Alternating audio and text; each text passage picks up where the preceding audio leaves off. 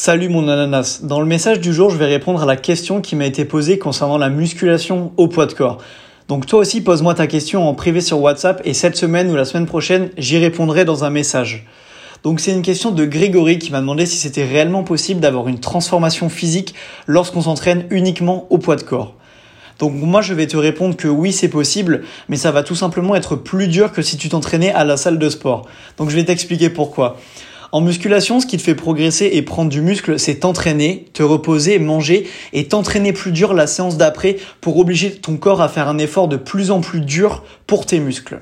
Donc la musculation en salle, c'est très facile d'appliquer ce principe, tu as juste à augmenter les poids de chacun de tes exercices.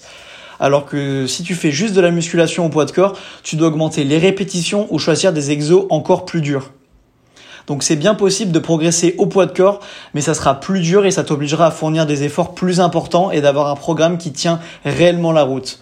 Donc si tu es intéressé pour avoir un super programme au poids de corps, les miens sont disponibles sur mon site internet. Tu peux me faire confiance, ça sera la meilleure qualité et je te garantis de progresser avec. Sinon, il y a toujours une version gratuite sur ma chaîne YouTube où j'ai plusieurs fois euh, bah, donné mon programme d'entraînement que je faisais au poids de corps.